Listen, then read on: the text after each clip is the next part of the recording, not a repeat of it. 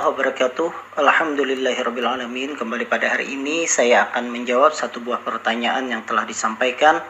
Assalamualaikum dokter. Waalaikumsalam warahmatullahi wabarakatuh. Saya mau bertanya Mungkin sudah sering dibahas Tetapi saya ingin penjelasan medisnya. Begini dokter. Bapak saya usia 80 tahunan. Kadang-kadang puasa, kadang-kadang tidak kuat. Beliau punya penyakit mah kronik dan tidak bisa telat makan. Yang saya tanyakan hal apa yang harus diperhatikan bila beliau memutuskan tetap ingin berpuasa. Dan makanan apa yang sebaiknya dihindari saat buka ataupun sahur.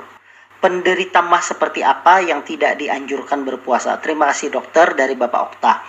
Baik Bapak Okta, terima kasih banyak atas pertanyaannya. Ini luar biasa karena orang tuanya Pak Okta usia 80 tahunan ternyata masih sehat ya dan uh, masih ada keinginan untuk berpuasa. Ini uh, hal yang sungguh uh, menggembirakan karena rata-rata uh, dengan usia angka harapan hidup yang masih belum sampai di atas 70 tahun Artinya bisa kita katakan bahwa orang tuanya Pak Okta ini termasuk lansia yang masih sehat.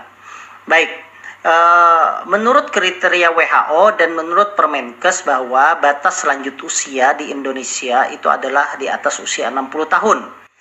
Dan kalau seandainya lansia itu mempunyai penyakit kronik yang uh, yang banyak ataupun lebih dari dua disertai adanya multipatologi dengan obat-obatan yang banyak maka pasien itu atau lansia itu masuk dalam kriteria geriatri.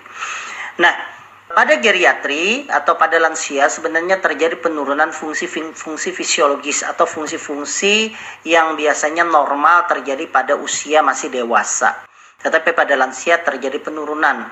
Makanya sebenarnya pada lansia itu ada beberapa hal yang dikecualikan untuk melakukan aktivitas-aktivitas yang berat. Kemudian juga salah satunya adalah berpuasa. Nah, pertanyaannya adalah apa yang harus diperhatikan bila beliau memutuskan tetap ingin berpuasa? Ini bukan terkait dengan mahnya. Artinya pada lansia itu bagaimana pada seseorang itu dikatakan bisa berpuasa atau tidak. Nah, sebagai seorang dokter, khususnya dokter penyakit dalam yang berkecimpung di bidang geriatri atau pasien-pasien lansia, maka saya menyarankan bahwa pada lansia sebelum pasien itu dinyatakan layak untuk berpuasa atau tidak, maka harus dilihat dulu skor rapuhnya, kerentanannya atau dalam bahasa Inggrisnya frailty-nya apakah lansia tersebut masih dikatakan layak untuk berpuasa dengan dikatakan belum rapuh atau lansia itu sudah dikatakan tidak layak dengan menghitung skor rapuhnya dikatakan hasilnya adalah rapuh. Ada beberapa poin-poin yang bisa kita hitung di situ. Saya tidak akan menjelaskan di sini, tetapi pendengar sekalian, hadirin sekalian atau jamaah sekalian bisa nanti searching di internet tulis saja namanya kata kuncinya adalah skor rapuh lansia. Nanti akan ada nilainya dari situ. Nah begitu juga untuk orang tuanya Pak Okta.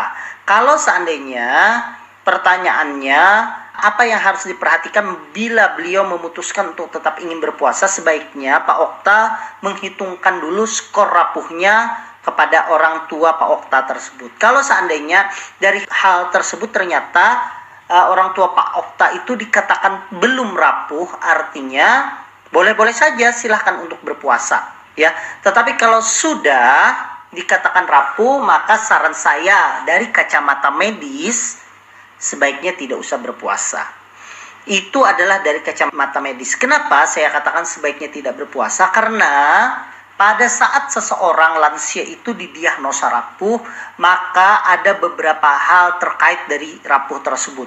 Yang pertama adalah daya tahan tubuhnya itu menjadi berkurang. Karena daya tahan tubuhnya itu menjadi berkurang, maka yang terjadi adalah ketika terjadinya penyakit atau terjadinya permasalahan ketika berpuasa, misalnya mah atau mual muntah dan sebagainya, maka penyembuhannya itu akan lebih lambat dibandingkan orang yang normal. maka bisa saja mahnya itu akan terus menerus bisa menyebabkan muntah-muntah yang banyak akhirnya malah terjadi dehidrasi. Atau mahnya tersebut bisa menyebabkan luka pada lambung sehingga terjadinya perdarahan yang justru mendatangkan mudarat.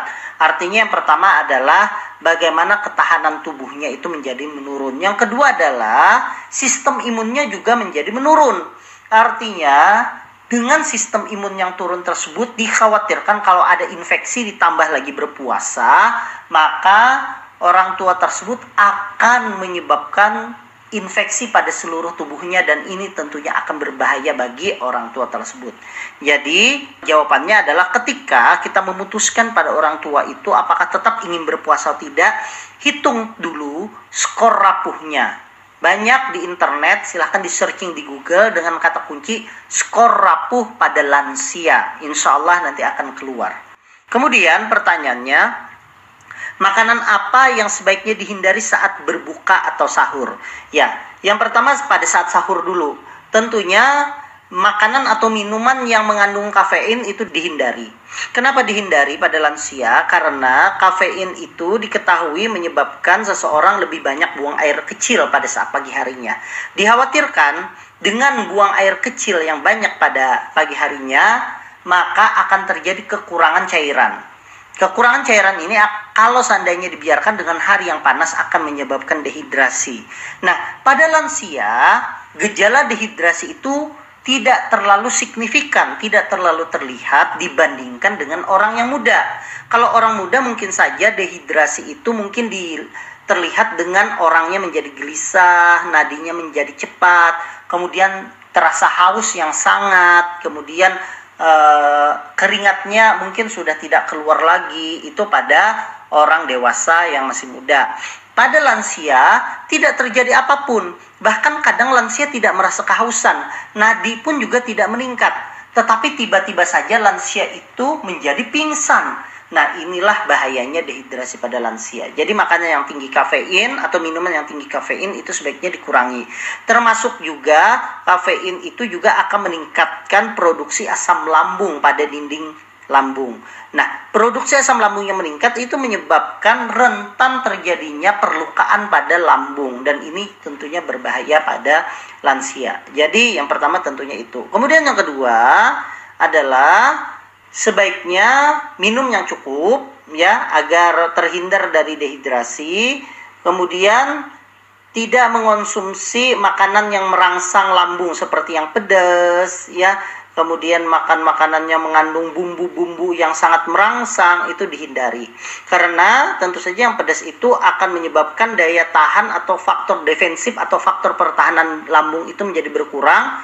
Selain itu juga makanan pedas itu akan menyebabkan refleks dari lambung dan pencernaan untuk membuang banyak makanan dalam bentuk buang air besar. Sehingga nanti justru yang terjadi adalah diare pada lansia tersebut. Dan ini juga risiko. Kalau diare itu akan menyebabkan terjadinya dehidrasi. Karena cairan juga akan keluar. Selain itu ya pada lansia juga makan makanan itu diawasi. Jangan sampai makan makanan yang sudah kedaluarsa atau makanan yang sudah lama itu masih disajikan sebaiknya makanan yang fresh karena makanan yang sudah lama mungkin dia akan mengandung e, bakteri yang banyak itu bisa menyebabkan terinfeksi pada lansia di mana pada lansia itu e, sistem imunnya itu tidak sebaik lagi pada orang dewasa yang muda. Nah, pada saat berbuka seperti apa? Pada saat berbuka sebaiknya berbuka jangan langsung makan. Yang ringan dulu seperti kurma kemudian kue dan minuman. Setelah itu mak setelah itu bisa sholat dulu baru setelah itu makan. Itu fungsinya adalah supaya memberikan kesempatan kepada pencernaan apalagi lansia yang sudah pencernaannya mungkin refleksnya itu menurun dibandingkan dewasa dewasa. Maka dengan hal seperti ini memberikan sinyal dulu kepada pencernaan bahwa ini sudah berbuka, sudah ada makanan. Jadi tidak terkejut langsung makanan banyak yang dimasukkan, tapi bertahap dulu dari kue dulu, minuman dulu, baru nanti setelah sholat, baru nanti makanan. Nah, penderita mas seperti apa yang tidak dianjurkan berpuasa? Yang tidak dianjurkan berpuasa tentunya dalam keadaan masih mah akut, artinya mah akut itu masih dalam keadaan masih mual, kemudian kadang muntah, nyeri kepala, perut kembung, ya nyeri ulu hati. Sebaiknya pada saat itu jangan berpuasa dulu. Kemudian yang kedua, apabila punya riwayat muntah darah atau BAB yang hitam karena luka lambung dalam satu bulan terakhir. Nah, kalau itu ada riwayat seperti itu, sebaiknya dihindari dulu karena takutnya dalam berpuasa itu akan kambuh lagi BAB hitamnya tersebut. Kemudian yang ketiga, ada riwayat serangan mah yang hebat, ya. Serangan mah yang hebat itu seperti muntah-muntah yang sangat banyak dalam beberapa minggu atau beberapa bulan terakhir kemudian mencret atau diare yang sangat banyak akibat dari asam lambung yang meningkat sebaiknya untuk sementara ditunda dulu untuk e, berpuasa. Kecuali kalau memang e, ngotot sekali ingin merasakan saja ya silahkan berpuasa kalau perlu diberikan obat dulu untuk mengurangi produksi asam lambung. Banyak sekali obat-obatnya apalagi golongannya itu ada golongan proton pump inhibitor. Itu banyak sekali sediaannya diberikan obat itu dulu pada saat sahur kemudian dilihat pada saat siang sama sore. Kalau seandainya siang sama sore tidak ada permasalahan tidak ada gangguan silahkan dilanjutkan. Tapi kalau sudah siang atau sore dilihat ada gejala seperti nyeri kepala mual kemudian kok seperti bingung pada lansia tersebut, maka sebaiknya pada saat itu harus berbuka karena kemungkinan itu adalah tanda-tanda serangan mah atau tanda-tanda dehidrasi pada lansia tersebut. Mungkin itu saja yang bisa saya jelaskan, Bapak Okta. Eh, saya harapkan orang tuanya Pak Okta selalu sehat selalu dan bisa menjalankan ibadah puasa kalaupun seandainya skor rapuhnya nanti terbukti bahwa orang tua Pak Okta itu tidak rapuh. Demikian, mudah-mudahan kita semua diberikan kesehatan oleh Allah Subhanahu wa taala. Wassalamualaikum warahmatullahi wabarakatuh.